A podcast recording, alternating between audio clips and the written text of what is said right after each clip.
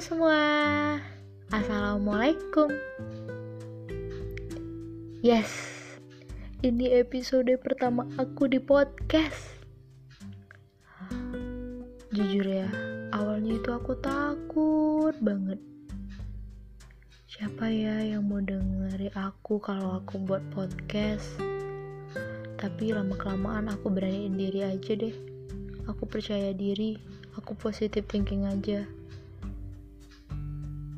juga supaya aku bisa ngerealisasiin keinginan aku dari buat podcast ini.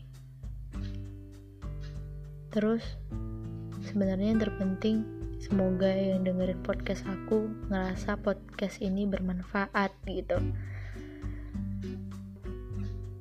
Ada juga ya kata pepatah tuh, tak kenal karena belum kenalan kenalin aku dengan spesialis patah hati aja ya. Semua itu berawal dari dengerin curhatan temen-temen.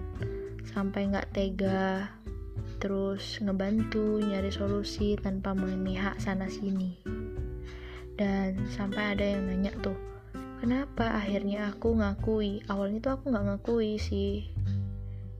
Kalau aku tuh spesialis patah hati karena ya cuman ngebantu aja kan. Ya tapi lama-lama mereka Vin Vin Vin kemarin. Bantu aku dong Vin. Kalau kayak gini gimana? Gitu. Ya udah terakhir aku ngakui kalau aku spesialis patah hati dan mereka teman-teman aku semakin khawatir. Karena spesialis patah hati itu kan tahu sendiri patah hati itu suka buat lupa diri tuh. Terus resikonya tinggi.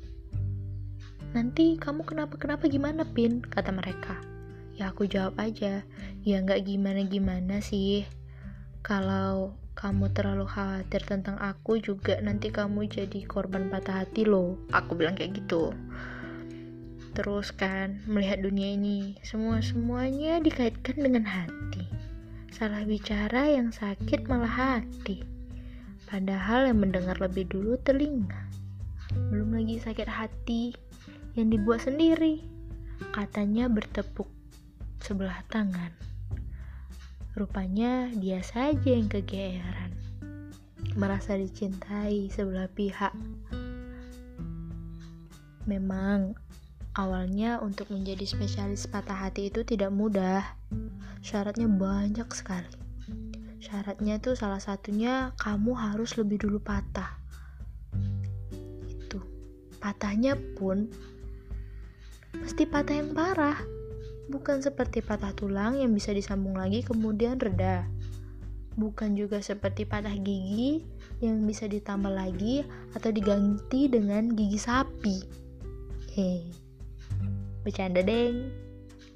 Maksudnya diganti sama gigi palsu. Apalagi sampai seperti patah tumbuh hilang berganti.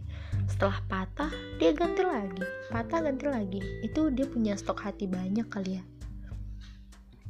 Sampai di sini um,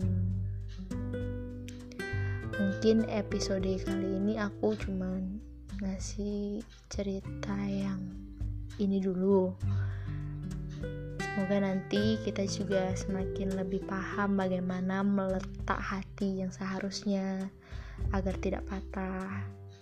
Kan capek tuh ya. Sakit hati juga lelah gitu. Patah hati itu lelah.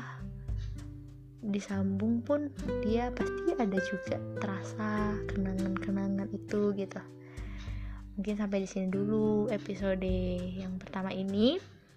Semoga bermanfaat. Terima kasih. See you.